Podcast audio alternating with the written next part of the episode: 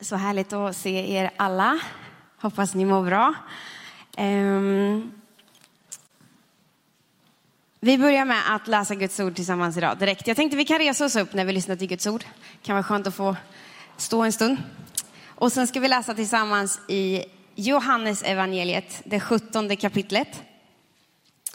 Några verser där. Johannes 17, vers 20. Jesus själv som ber det här. Jag ber inte bara för dem, utan också för dem som kommer att tro på mig genom deras ord. Jag ber att de alla ska vara ett. Att de ska vara i oss liksom du far är i mig och jag i dig. Då ska världen tro att du har sänt mig. Och den härlighet som du har gett mig har jag gett till dem för att de ska vara ett liksom vi är ett. Jag i dem och du i mig så att de är fullkomligt förenade till ett. Då ska världen förstå att du har sänt mig och att du har älskat dem så som du har älskat mig. Älskade Jesus, vi tackar dig för ditt levande ord.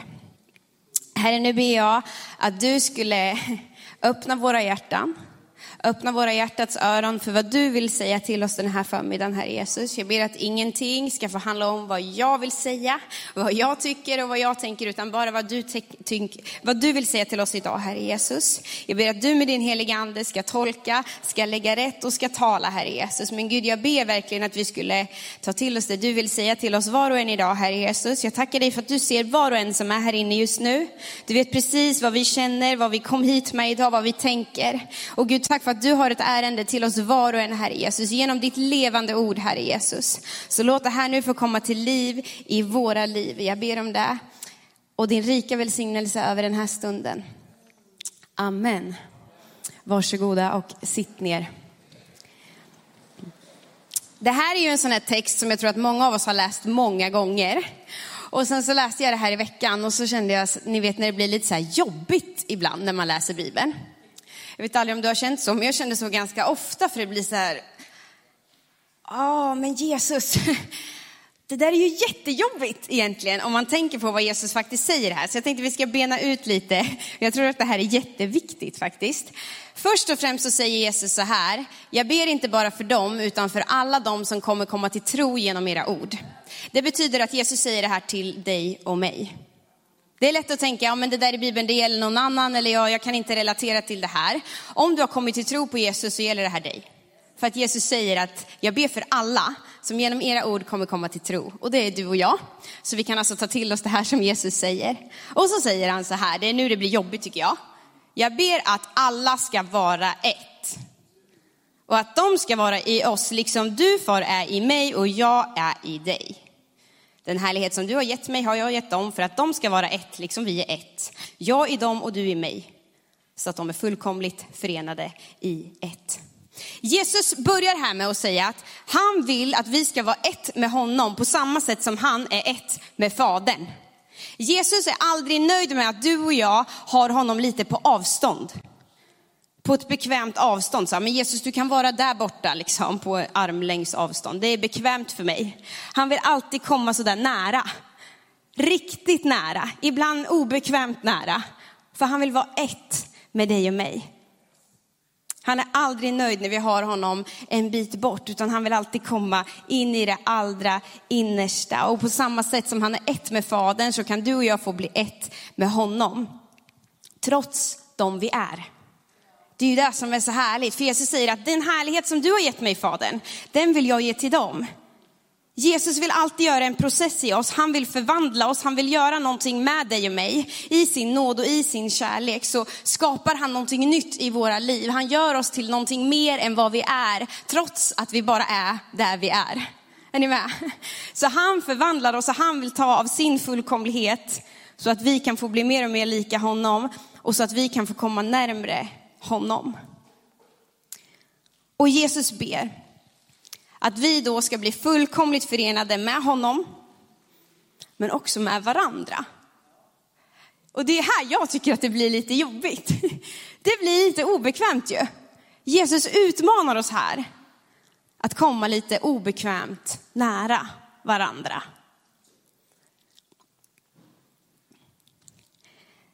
Och jag tror att ju närmare man kommer någon annan, desto mer får man se av den personen. Så är det ju. Man får se alla de bra sidorna med en person. Man får lära känna liksom djupet av en människa. Men i det så får man också se det som kanske inte är så bra. De där lite mer dolda sidorna. Ju närmare man kommer en person, desto mer av alla ytterligheter får man lära känna. Eh, när jag och Gabriel lärde känna varandra så var jag väldigt mån i början om att så här, man vill ju visa upp det bästa av sig själv. Gabriel är min man nu. Eh, men så här, jag städade alltid innan han skulle komma hem till mig. Jag tänkte alltid på vad jag skulle ha på mig. Ja men ni vet sådär, man, man var lite mer medveten om hur man såg ut, hur det såg ut hemma och sådär. Och jag tror att han var det också. För när vi hade varit tillsammans kanske, jag vet inte, ett tag, jag kommer inte ihåg när det var. Men, och sen hade vi haft så här, på sommaren så har vi några veckor när det är väldigt intensivt med läger och konferenser och såna här grejer. Så kom vi hem efter typ tre veckors läger och sen så eh, hade vi varit ifrån varandra ett tag och så ringde jag Gabriel och så sa jag, Gabriel kan, jag, jag kommer till dig nu. Han bara, nej, nej, nej, nej, jag kommer till dig. Jag bara, nej, nej, jag kommer till dig nu, det, jag, jag är på väg typ. Han bara, jaha, så här. Och sen så kom jag hem och så, så öppnade han dörren lite så här skamsligt och sen så har vi en bild här. Eh, på, på, det, här är, det här är hallen. Eh, och det var värre, alltså det här, han hade en etta och det här var hallen, hur det såg ut i hallen.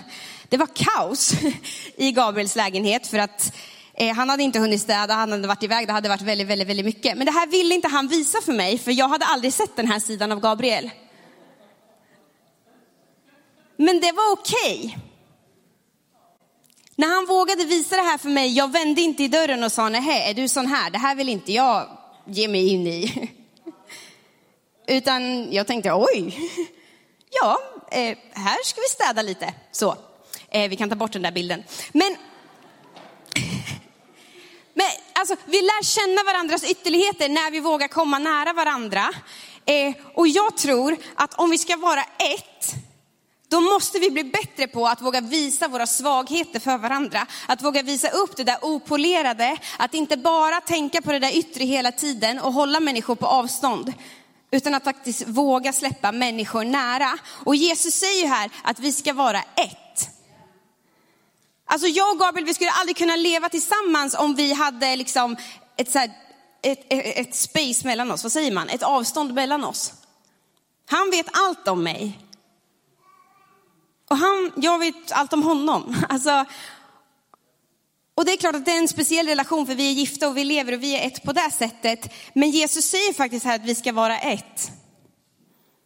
Att alla vi som tror ska vara ett. Och jag menar inte att vi alla ska flytta ihop, det vore ju väldigt konstigt. Eh, och säkert osunt också på något sätt. Men det här handlar ju om en inställning i våra liv. Det här handlar om hjärtats inställning. Hur förhåller vi oss till varandra? Vågar vi vara äkta med varandra? För jag tror att det är där det handlar om. Det handlar om äkthet. Att våga vara ett med varandra handlar om att våga vara äkta och sanna med varandra. Vi har svårt för det, tror jag. Jag läste en, en avhandling, nu låter det som att jag har läst en hel avhandling, det har jag inte, jag läste en liten del av en avhandling som handlade om lögn. Hur mycket vi ljuger i vårt samhälle. Då är det en professor på Göteborgs universitet som har gjort en, eh, skrivit en avhandling om det här. Och han sa att man ljuger i snitt fyra gånger per dag. I snitt, det är ganska mycket.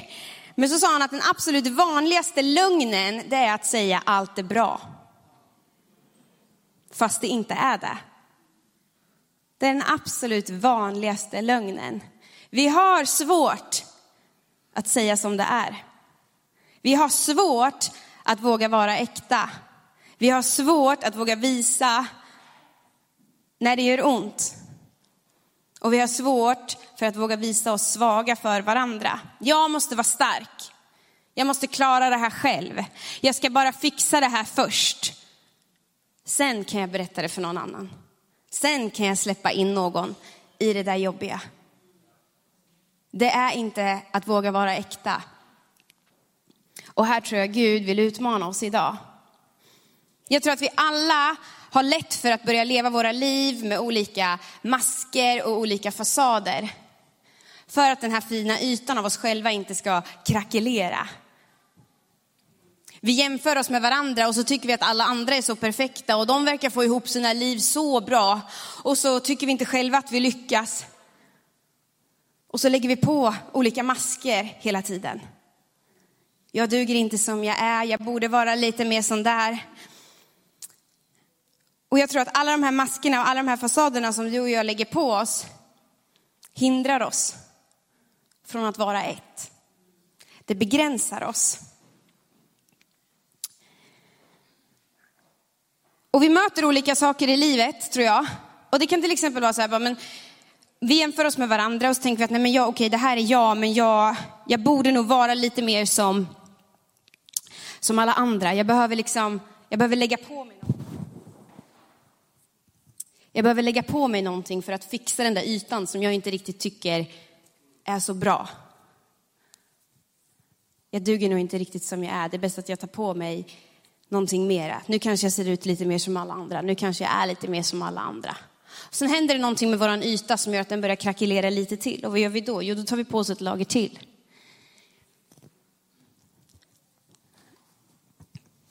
Det, det är ingen som, som kämpar med det jag kämpar med.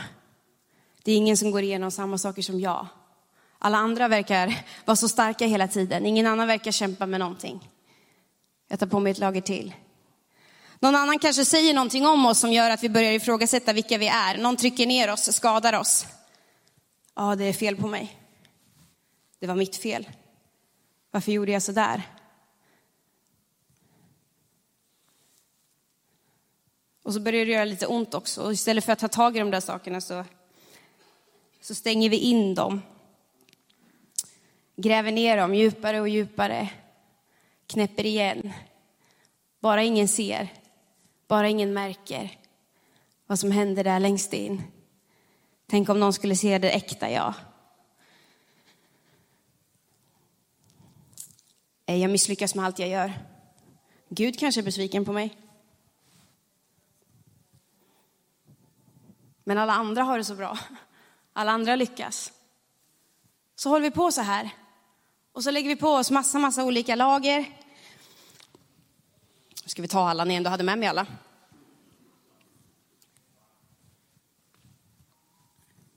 Så hamnar vi i en sån här situation. Så undrar vi varför livet blir obekvämt.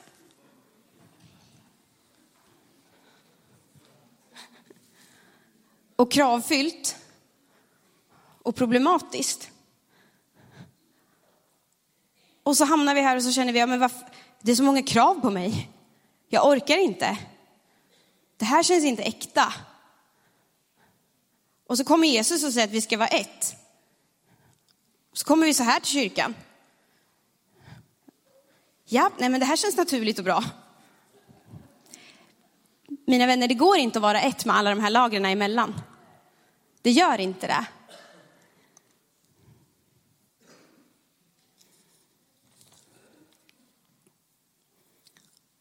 Och grejen är att när vi får möta Jesus, när vi kommer nära honom, för det är där det börjar, i att vi vågar vara ett med Jesus. Då börjar han sakta men säkert skala bort alla de här lagren. Och du och jag kan försöka dölja allting för Jesus, vi kan till och med bli väldigt bra på det. Men grejen är att vi kan egentligen aldrig dölja någonting för Jesus. Och jag tycker att det är så befriande. Det står till exempel så här i Hebreerbrevet det fjärde kapitlet och trettonde versen. Inget skapat är dolt för honom, utan allt ligger naket och blottat för hans ögon. Alltså även om jag försöker dölja massa saker för Jesus så kan jag inte göra det, för han ser dem i alla fall. Och det viktiga för dig och mig att komma ihåg, det är varför Jesus alltid vill skala bort de här sakerna som du och jag har lagt på oss. Alltså det här kan vara saker som, saker som har sårat oss. Saker andra människor har gjort mot oss. Det kan vara liksom, vi får en, en, en repa i våran, i våran fasad, det börjar krackelera. Och det gör ont och istället för att ta tag i det där såret så lägger man på ett lager till och vi gräver ner grejer. Det kan vara saker som du och jag har gjort mot oss själva. Eller bara krav som vi tror att andra har på oss. Det kan vara så mycket olika saker. Men vi lägger på oss de här grejerna. Jag tror att ni förstår vad jag försöker säga. Och så kommer Jesus och vill lyfta det där av oss. Varför då? för att han vill sätta oss fria.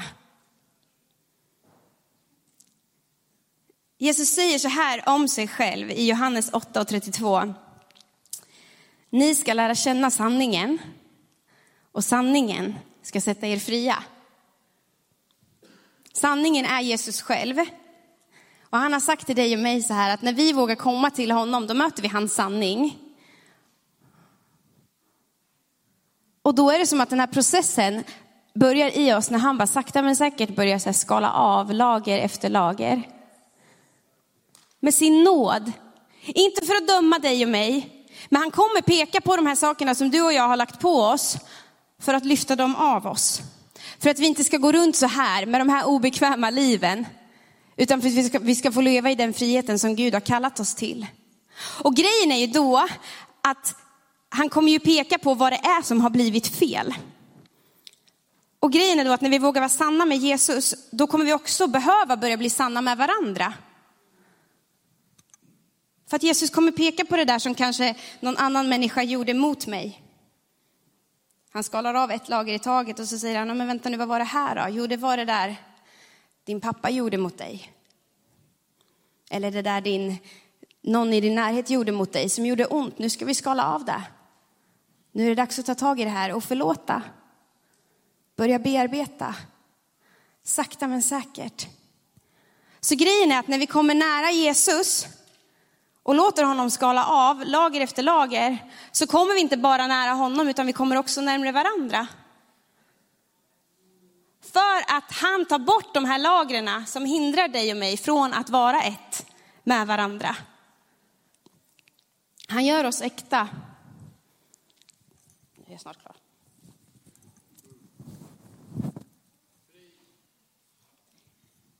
Han skalar bort allt det där och gör oss till de vi verkligen är. Fria i hans sanning. Och grejen är så här att du och jag behöver bli bättre på att inse att ingen av oss har någonting att komma med här. Vi måste sluta döma varandra. Vi måste sluta trycka ner varandra och tycka att liksom, ja men du har gjort det där, du har gjort det där. Ingen av oss har någonting att komma med. Samtidigt så kanske du också sitter här och är på något sätt i det andra diket och tycker att det är bara jag som har massa fel. Alla andra verkar ha så perfekta liv. Hur lyckas de? Om de bara visste. Min vän, du är inte ensam. Ingen av oss kan vara stolta inför Gud och tycka, ja men jag har minsann lyckats. Och jag tycker att det är så befriande att vi är alla på samma liksom dåliga nivå inför Gud. Det är sant. Vi är alla körda. Det är sant, men han i sin nåd har sagt, det gör ingenting. Jag älskar dig, jag sträcker ut min hand till dig, jag vill ha med dig att göra. Trots att du är den du är, trots att du har gjort det du har gjort, trots att du har blivit utsatt för det du har blivit utsatt för. Så vill han ha med dig och mig att göra.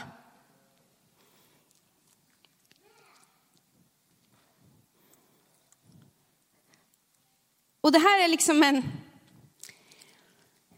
jag har, jag har tänkt mycket på det här och jag har funderat mycket på det här. För inte bara här utan i, i många församlingar så tycker jag att det verkar vara så som att när man, när man börjar kämpa i livet, när det blir jobbigt, när det blir svårt, och man borde luta sig in mot församlingen så gör man inte det.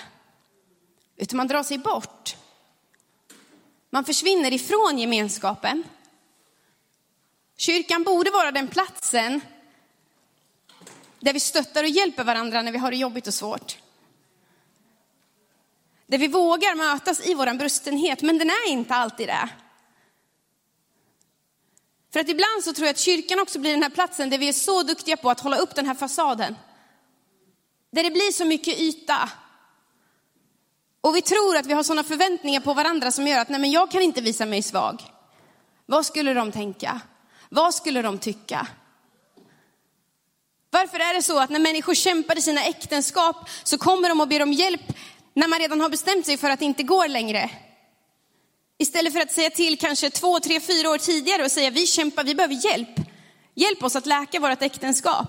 Men det gör man inte. Varför då? För att man är rädd för vad folk ska säga. För att man är orolig för att visa sig svag. Men vi är alla svaga. Vi är alla brustna. Vi är alla trasiga. Och vi behöver alla varandra. Och jag vill säga till dig, bli aldrig ensam i din kamp. Bli aldrig ensam i din kamp. Du må, det måste finnas en plats där du vågar vara äkta med någon. Jag säger inte att du ska liksom ställa dig här och berätta ditt hjärtas djupaste, mörkaste hemligheter. Det är inte det. Men det måste finnas ett forum där du vågar göra det. Först och främst med Jesus. Men också med någon annan.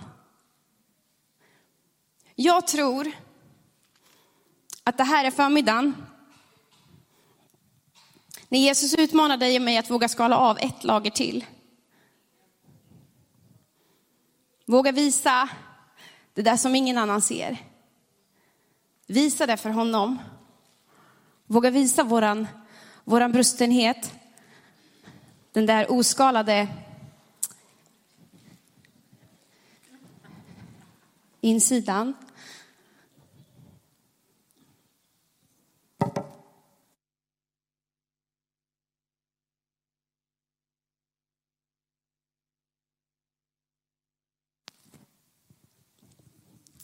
Det här är vad de som står mig närmast ser av mig. Det här tar jag alltid på mig när jag kommer hem. Det här är också jag. Det är lite utvättat. Det är lite fettfläckar som inte går bort. Det är lite hål. Det är lite trasigt. Men det är också jag.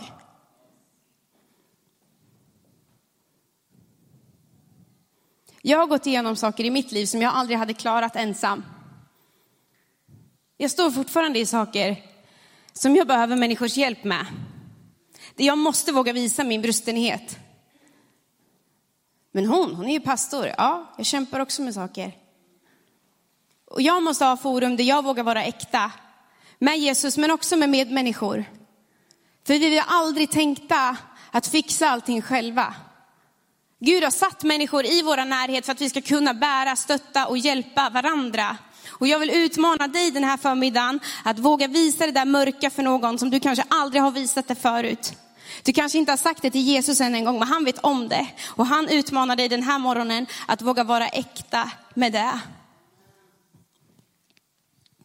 För grejen är så här också, att i de här verserna som vi läste i början så avslutar Jesus med att säga så här att om de är ett, då ska världen förstå att du har sänt mig och att du älskar dem så som du har älskat mig. Alltså det Jesus säger är att om du och jag vågar vara ett, om vi vågar vara äkta, om vi vågar vara ärliga, då kommer den här världen fatta vem Gud är. Och att han älskar dem. Ibland så tror människor att kyrkan är den där platsen dit man bara får komma när man har fixat allting. Kyrkan är, det alla de där som har det så bra i livet. De verkar så perfekta, de verkar vara så här, det finns inga fel där. Det är ju inte sant. Kyrkan är ju en plats människor som bara, vad är det här egentligen? En samling brustna människor som inte har någonting att komma med, men som har fattat vem Gud är i sin nåd och sin kärlek och sin förlåtelse. Och i det vågar möta varandra i våran brustenhet. Det är den bilden vi måste ge av kyrkan. Det är den bilden som människor behöver. Det finns så mycket trasigt där ute, det finns så mycket brustet. Men om du och jag här inte vågar vara brustna, om vi inte här vågar vara brutna, hur ska vi då kunna nå de där ute som är där? Kom in i våran polerade yta och bli precis som vi. Det är inte det det handlar om. Kom och möt Guds nåd, det har jag gjort. Och det här är jag, det här är liksom den nakna sanningen om mig. Men Gud älskar mig ändå. Och mina medmänniskor älskar mig ändå. Det handlar inte om att säga så här, nej okej vi har inga fel och vi, vi behöver aldrig jobba på det som vi kämpar med i våra liv. Det är ju inte det. Tvärtom, vi behöver varandra för att komma vidare, för att bli fria.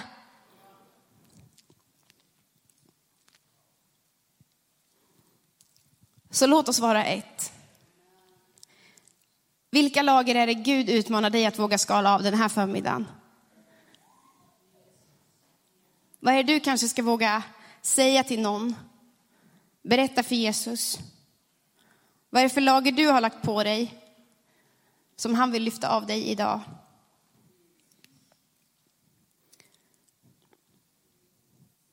Det börjar med att vi vågar bli ett med Jesus. Och ett sätt för oss att göra det, det är att ta del av nattvarden, vilket vi alldeles strax här ska göra. Så nattvardskännarna, de kan få komma fram och göra sig redo. Jesus offrade sig själv med allt han är för att du och jag skulle kunna komma precis som vi är. Om det hade funnits en annan lösning än för människan att liksom kunna komma till Gud, då hade inte Jesus behövt göra det han gjorde. Men han offrade sig själv, hela sig själv. För att du och jag skulle kunna komma som vi är.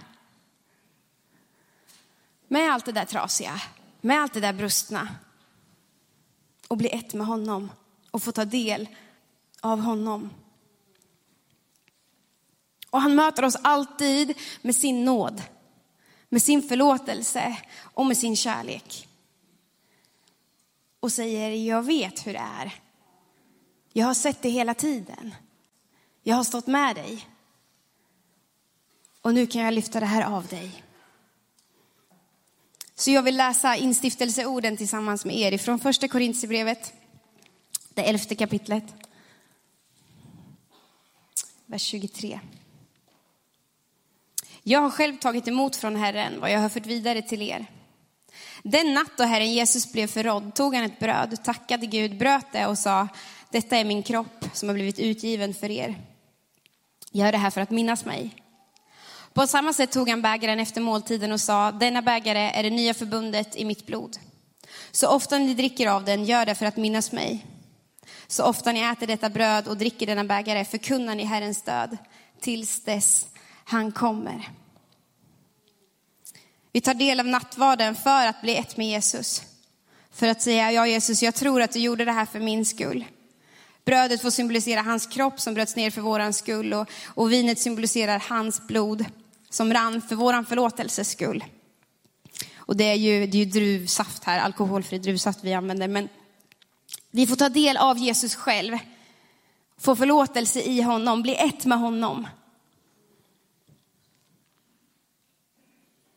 Trots att vi är de vi är, trots att vi är trasiga, trots att vi är brustna och bristfälliga människor. Så står han där med sina öppna armar och säger kom till mig, bli ett med mig. Och i det, våga bli ett med varandra. Våga öppna upp för varandra. Ska vi be tillsammans? Herre Jesus, jag tackar dig för din enorma kärlek. Jag tackar dig för din nåd. Herre, jag tackar dig för att du offrade allting för våran skull. Tack för att du lät dig själv spikas upp på ett kors för att vi skulle få förlåtelse för alla de fel och brister som vi har i våra liv, Herre Jesus. Gud, förlåt oss för alla de masker, alla de fasader som vi lägger på varandra. Förlåt oss för de gånger som vi ställer krav på varandra, Gud. Förlåt oss för de gånger som vi inte förlåter varandra. Gud, jag ber att det här skulle få vara en förmiddag när du bryter ner fasader. När du vågar yt, låta liksom ytor krackelera, Herre Jesus. När vi vågar komma precis som vi är i vår brustenhet till dig, Herre Jesus, men också till varandra, Gud. Och Herre, du ser det som kanske rörs upp just nu. Du ser det som gör ont, som börjar komma till ytan, Herre Jesus. Tack för att du möter det med din nåd. Tack för att du möter det med din kärlek, Herre Jesus. Hjälp oss att nu ta emot varandra utan fördömelse, med öppna armar, Herre Jesus. För att med din sanning få bli satta fria. Helige Ande, vi tackar dig för att du är här och nu ber vi att du skulle komma och göra din grej.